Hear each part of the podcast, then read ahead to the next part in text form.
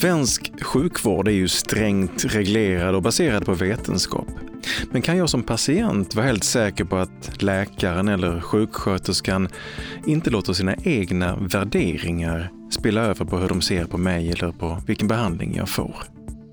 Och hur ska den sjuksköterska eller läkare göra som tvingas handla i strid med sina egna värderingar, till exempel i fråga om abort? I det här avsnittet av Etikpodden från Region Skånes etiska råd diskuterar vi dolda värderingar i vården.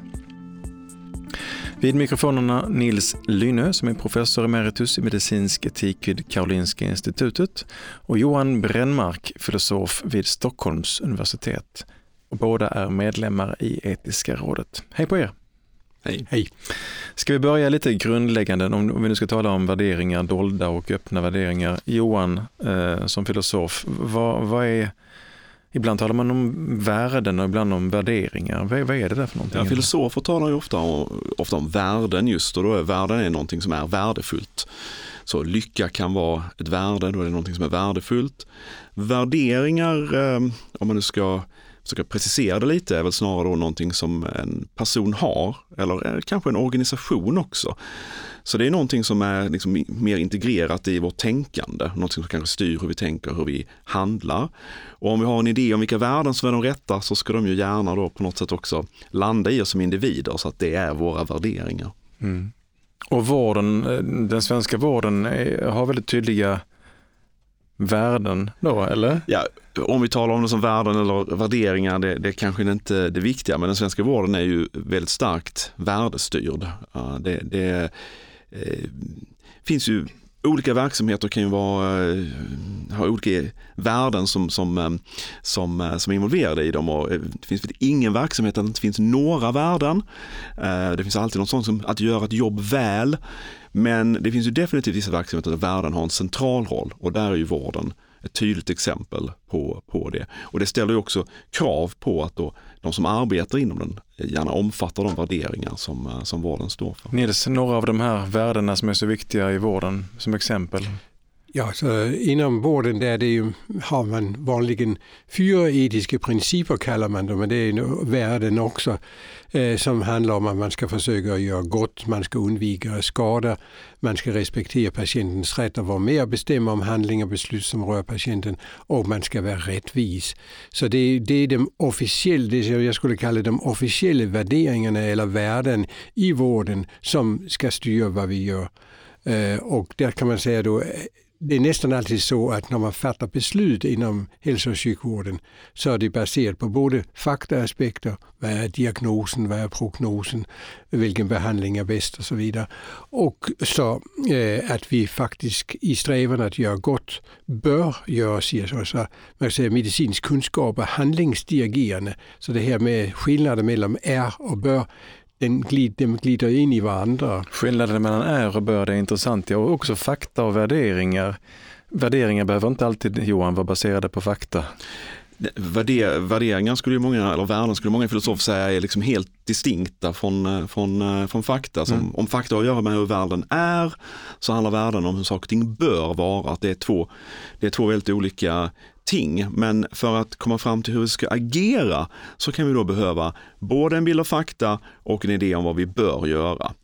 Och där, om man tittar på hur många moralfilosofiska teorier ser ut, då finns det ofta en sån stark uppdelning så att man har å ena sidan fakta och sen applicerar man då de moralfilosofiska principerna. Och det kan ju vara olika principer. Jag menar, de här principerna som, ehm, som Nils nämnde tidigare är ju också liksom sånt som då, eh, filosofer har resonerat kring. Ehm, men då utgår de från att man har en beskrivning av en situation och sen kan man då titta efter dem. Ja, finns det självbestämmande komponenter här? Ja, men då säger autonomiprincipen att vi ska ta vara på dem. Finns det en möjlighet att göra gott här, um, vilket då kan förstås som att uh, förbättra hälsa på en patient. Ja, men då säger den här principen att vi ska göra så. Så att där finns, där finns de här två komponenterna. Men sen om man ser till hur vi faktiskt resonerar som, eh, som människor så tenderar ju de här, som vi redan lite varit inne på, att glida in i varandra. Och de måste också till viss del göra det. För att annars är det så att när vi ska ta in information så finns det egentligen oändligt många saker vi skulle kunna ta in. Vi måste sålla, vi måste bedöma relevans. Vissa saker är relevanta för besluten, andra inte. Och då kommer värden in redan där när vi ska välja ut vilka är de centrala fakta i situationen. Mm. Men om vi då eh, talar om eh, om, alltså, du, ni har sagt att det finns tydliga värden i vården, eh, eh att göra gott och patientens självbestämmande och så vidare. Ehm, men vad skulle kunna vara dolda värderingar i vården för någonting då? Ja, det är ju, man säger, det, det, de här fyra principerna som man agerar efter, gör gott, inte skada och så vidare. Det är ju de ska man säga, officiella värderingar. Och ibland är det så att det kommer in andra värden som är mer personliga eller kanske är klinikbestämda. Man har bestämda uppfattningar som kommer in i beslut. Och det är det som då kan bli problematiskt för då är det svårt att se vad är det egentligen man diskuterar. Är det faktafrågor eller är det värderingar? Mm, kan du ta något exempel? Vad kan det handla om för slags sjukdom eller situation eller de här dolda värderingarna? När, när, när blir de intressant att få syn på den? När kan det bli problematiskt? Ja, alltså det är ofta så att eh, ju, mer, ju mer kontroversiellt ett ämne är eller ett område är, ju mer tydligt kommer de här egna värderingarna in. Och de kommer ofta in bakvägen via bedömningar av om patienten är beslutskapabel. Det är en faktafråga eh, om patienten har så ont som han eller hon säger, är patienten arbetsför eller inte arbetsför. Eh, där man alltså kan göra bedömningar som är kanske är mer värdebetonade än det är frågan om fakta. Är hon arbetsför eller inte arbetsför? Det kan handla om sjukskrivningar Det är frågan om sjukskrivning. Det, det, det, I den typen av situationer kan det komma in Vad skulle den dolda värderingen vara där då? Arbeta, arbeta, arbeta? Ja, nej, men alltså det, det, är bäst, det är bäst för dig att du går tillbaka till jobbet eh, så tidigt som möjligt. Och det finns argument för det också men, men eh, patienten kanske inte är kapabel att göra det just för tillfället. Alltså det här är en typ av bedömningar som ju alltid måste göras eh, av eh, trovärdighet eh, hos, mm. hos en patient. Det, är liksom, det gäller inte bara patienten, det gäller ju oss alla. Att det är inte bara så att det kommer en strid ström av objektiv fakta ur våra, ur våra munnar. Utan i relationer med andra så måste vi alltid bedöma liksom, trovärdigheten i vad folk säger. Eh, om de kanske eh, väljer att inte prata om vissa saker eller överdriver andra och så. Och, eh, och det är ju värderande bedömningar när man gör den typen av trovärdighetsbedömningar. Och då kan det ju, en sån här faktor kan ju vara, till exempel handla om ehm, hur mycket liknar den andra personen oss? Vi tenderar ofta att kanske känna oss mer bekväma med och i viss mån kanske också gilla bättre personer som liknar oss själva. Och lyssnar vi mer, och lyssnar mer på, dem. på dem och kanske bedömer dem som mer trovärdiga. För det låter ungefär som någonting som jag själv skulle ha sagt om jag var i den situationen. Men någon som skiljer sig mer från oss, då kanske sakerna låter mer obekanta som den personen säger och vi kanske börjar tvivla på den personens trovärdighet. Men jag funderar mer på ytterligare exempel på när detta kan bli problematiskt. Jag har läst ganska många reportage om människor som är överviktiga, som känner att de blir illa behandlade i vården, blir inte lyssnade på eller man liksom ser ner på dem, etc. etc. Eh, är det ett exempel? Ja, det är, det är väl ett rätt bra exempel för där där är det ju liksom, på något sätt så är det att värdera hälsa är ju helt rimligt att man har eh, som en värdering om man arbetar i vården. Men exakt hur tänker man kring de här sakerna? Ja, men då kan det ju vara så att man kanske uppfattar personer som eh, överviktiga som att de inte riktigt tar hand om sig själva som de borde, inte månar om sin egen hälsa och därmed kanske inte heller riktigt vet sitt bästa och då finns det ju en risk att en typ av liksom så paternalistiskt tänkande kommer in. Att det här är en person som eh, man måste ta hand om. Tittar vi på de liksom värden och värderingar som finns i sig patientlagen så är de ju väldigt betonande av självbestämmande och delaktighet från patientens sida. Och utgör ju en liten förändring inom värdena i vården också i rörelse mot mer betonande av självbestämmande och delaktighet och bort från paternalism. Paternalism att staten eller läkaren eller vi här uppe vet bäst. Precis, ja. mm. precis. Nej, nej det skulle jag vilja korrigera. Det är paternalism innebär att man tror att man vet ja. vad, vad är patientens ja, intresse och, och, att man vill försöka Precis. övertala ja. patienten att förstå sitt eget, eh, sitt eget bästa. Patienten, alltså ett, ett, ett, det är ett vikarierande beslutsfattande för patientens eget bästa. Ja. Mm. Och det paternalismen grundar sig också ja. i ett av de värden som finns, nämligen att göra gott. Så, det, är ju liksom, så det, är, det, är ju, det är ju välmenande, men fortfarande så finns ju de här andra värdena också. Och där men utgångspunkten är bedömningen att patienten inte förstår sitt eget bästa. Ja, ja. Oavsett om det nu är övervikt eller det är alkoholförbruk eller rökning eller andra sådana här livsbetingade äh, frågor. Och där är vi väldigt klåfingriga inom hälso och sjukvården skulle jag säga. Ibland vill vi gärna lägga oss i äh, trots att det inte är det patienten söker för. Varför vill vi, vilka vi nu är, varför, ja. varför är det vanligt att, att de här dolda värderingarna då spelar in och tar sig uttryck i paternalism? Jo, men det är ju för att kunna hjälpa patienten, men man kan göra det på olika sätt. Va?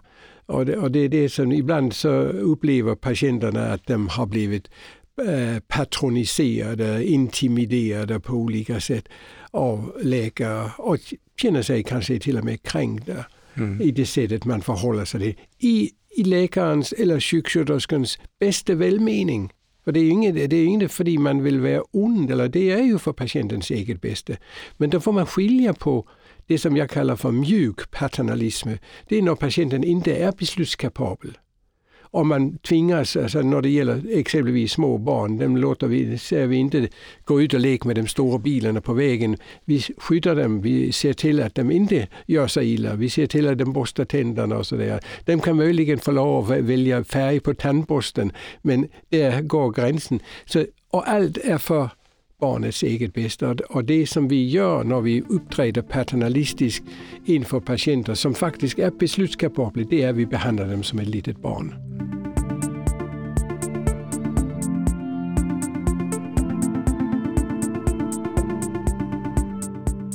Eh, andra mer eh, komplicerade exempel på, på där dollarvärderingar spelar in, kan det gälla sånt som eh, eh, kejsarsnitt, abortfrågan. I Sverige har vi ju fri abort, men, men den sortens ingrepp.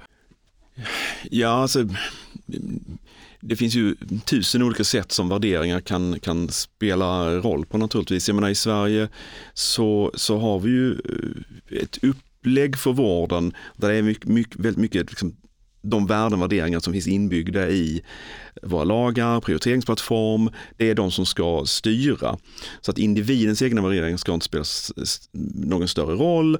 Eh, vi har ju till exempel en samvetsklausul som kan vara ett sätt att hantera ehm, när eh, någon i vårdpersonalen kanske har värderingar som gör det svårt att eh, eh, svårt att hantera vissa situationer. Utan här är det ju mer egentligen, instruktionen är liksom bit ihop och gör ditt jobb.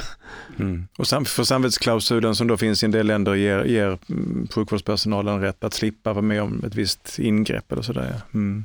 Ja, det, det, finns fler olika varianter mm. på det men, men det, det är oftast, eller har oftast varit abortfrågan.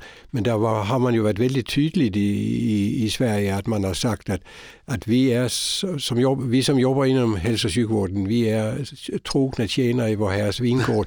Vi följer lagstiftningen så det finns inget utrymme för att ha andra åsikter än de officiella värderingarna. Va? Men just den här, jag skulle säga den största risken det är bedömningen av är patienten beslutskapabel eller inte? Och det är där vi ibland glider. Kan vi, kan vi omvandla hård paternalism till mjuk paternalism genom att øh, ifrågasätta patientens øh, beslutsförmåga? Då kan vi tillämpa den mjuka formen för paternalism det, det, där vi faktiskt har en skyldighet att göra det när patienten inte är beslutskapabel. Men du ser det, om jag förstår det rätt, som ett, ett existerande problem att, att de här dolda värderingarna tar sig uttryck i, i paternalism? Att Bland, man Det är ett exempel på det, ja. ja. Men alltså det handlar också om att man, kan, man vill pressa eller man vill försöka få patienten med på sina egna värderingar eller på sina egna beslut, sälja in dem så att säga. Och så kan man ändra lite på olika.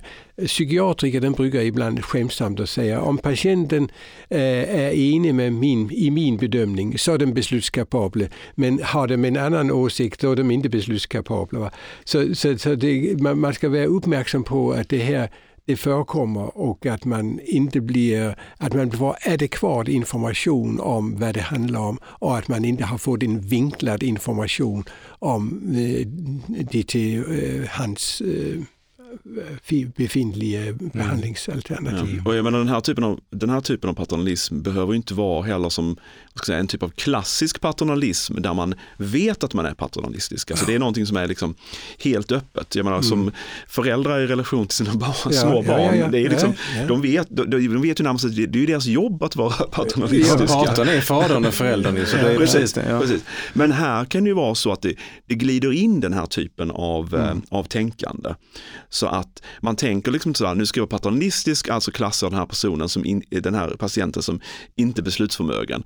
Utan det glider in i bedömningen av beslutsförmåga. Det glider mm. in i bedömningen av trovärdighet. En misstro då som kanske bygger på att man inte riktigt, någonstans i mag magkänslan är att, är att den här patienten inte riktigt klar, har styr på sitt liv. Och sånt där håller vi på med människor hela tiden. Vi, vi har ju värderingar som vi inte riktigt har koll på och uh, som påverkar våra beslut. Blir det mer laddat och mer besvärligt om man arbetar inom sjukvården än när man jobbar inom andra verksamheter skulle du säga? Johan? Alltså sjukvården är ju mycket mer värdestyrd än eh, än eh, vad andra verksamheter är. Och det finns också tydligt uttalat att det eh, finns en, en jämlikhetstanke också inom sjukvården så att patienter ska behandlas lika och utifrån sina behov. I många andra branscher så är det vi köper tjänster eh, hit och dit och gillar vi inte riktigt vad någon levererar så använder vi någon annan nästa gång så, så, så ser det inte ut eh, i, i, i sjukvården. Där, mm. Därför blir det ju, det behöver inte vara mer förekommande, men det blir ett större problem när det händer i sjukvården. Mm. Ja. Du har sett det under dina många år i vården, eh, exempel på de här dolda värderingarna? Ja, jag skulle säga det, eh, det finns alltså eh, områden som är, är bekymmersamma och det, det är framförallt då, eh, det, ju mer kontroversiellt ett område är, ju mer kommer de dolda värderingarna, blir de tydliga. Va? Och då skulle jag säga i livets början och livets slut och framförallt i livets slut. Livets början har ju reglerats nu med eh, speciell abortlagstiftning och sådär. Så det, och i livets sällan, slut är det dödshjälp och sådana saker? Om, ja, palliativ det, vård? Palliativ vård, påskynd, alltså det en, en palliativ läkare. Det finns väldigt många olika typer av palliativa läkare men vissa är oerhört restriktiva med att låta patienten få sova in i döden när, när livet har blivit uthärdligt och smärtan inte går eller lidandet inte går att behandla på annat sätt, är oerhört restriktiva. Och de ifrågasätter om patienten då säger nu vill jag få sova den sista tiden. Därför de tänker, ja ah, men då vill man hellre dö än leva, så är man deprimerad. Va? Den, den typen och, och läkarens uppgift är att rädda liv? Ja, rädda liv och inte påskynda, det påskynda döendet men det är inte det, är inte det heller. Det är inte det som syftet det är att underlätta, förkorta patientens lidande. Va? Men det finns alltså här ett utrymme för, skulle jag säga, godtycke och, och ojämlikhet eftersom det varierar från, från um, klinik till klinik. Mm. Ja, och här, många av den här typen av bedömningar är ju då genuint svåra att göra också. Att eh, kanske en patient som är svårt sjuk ger uttryck för en viss vilja, att då bedöma exakt beslutsförmåga. Är den här personen kanske mm. deprimerad eller är inte? Det är väldigt svåra bedömningar. Och eh, Eh, I den svårigheten då så måste vi på något sätt just värdera information och då, då är det ju risk att de värderingar som vi har glider in i hur vi, vilka, vilka ord patienten använder, är det vi fångar upp som de centrala i situationen, vilka ser vi som kanske mer marginella. Det, som sagt, det, det går liksom inte att undvika att värderingar kommer in där. Men möjligen kan man ju då eh, fortfarande reflektera över, eh, över detta. Och jag tänker att en sak är att man har värderingar som är lite off-grid, som inte stämmer överens med sjukvården i sig och så låter man dem eventuellt påverka sina beslut. Men vi har ju alla, antar jag, oavsett om vi jobbar inom vården eller någonstans annanstans, går vi och bär på värderingar som vi inte riktigt har koll på. Eh, hur ska man, hur ska man få syn på sina egna dolda värderingar?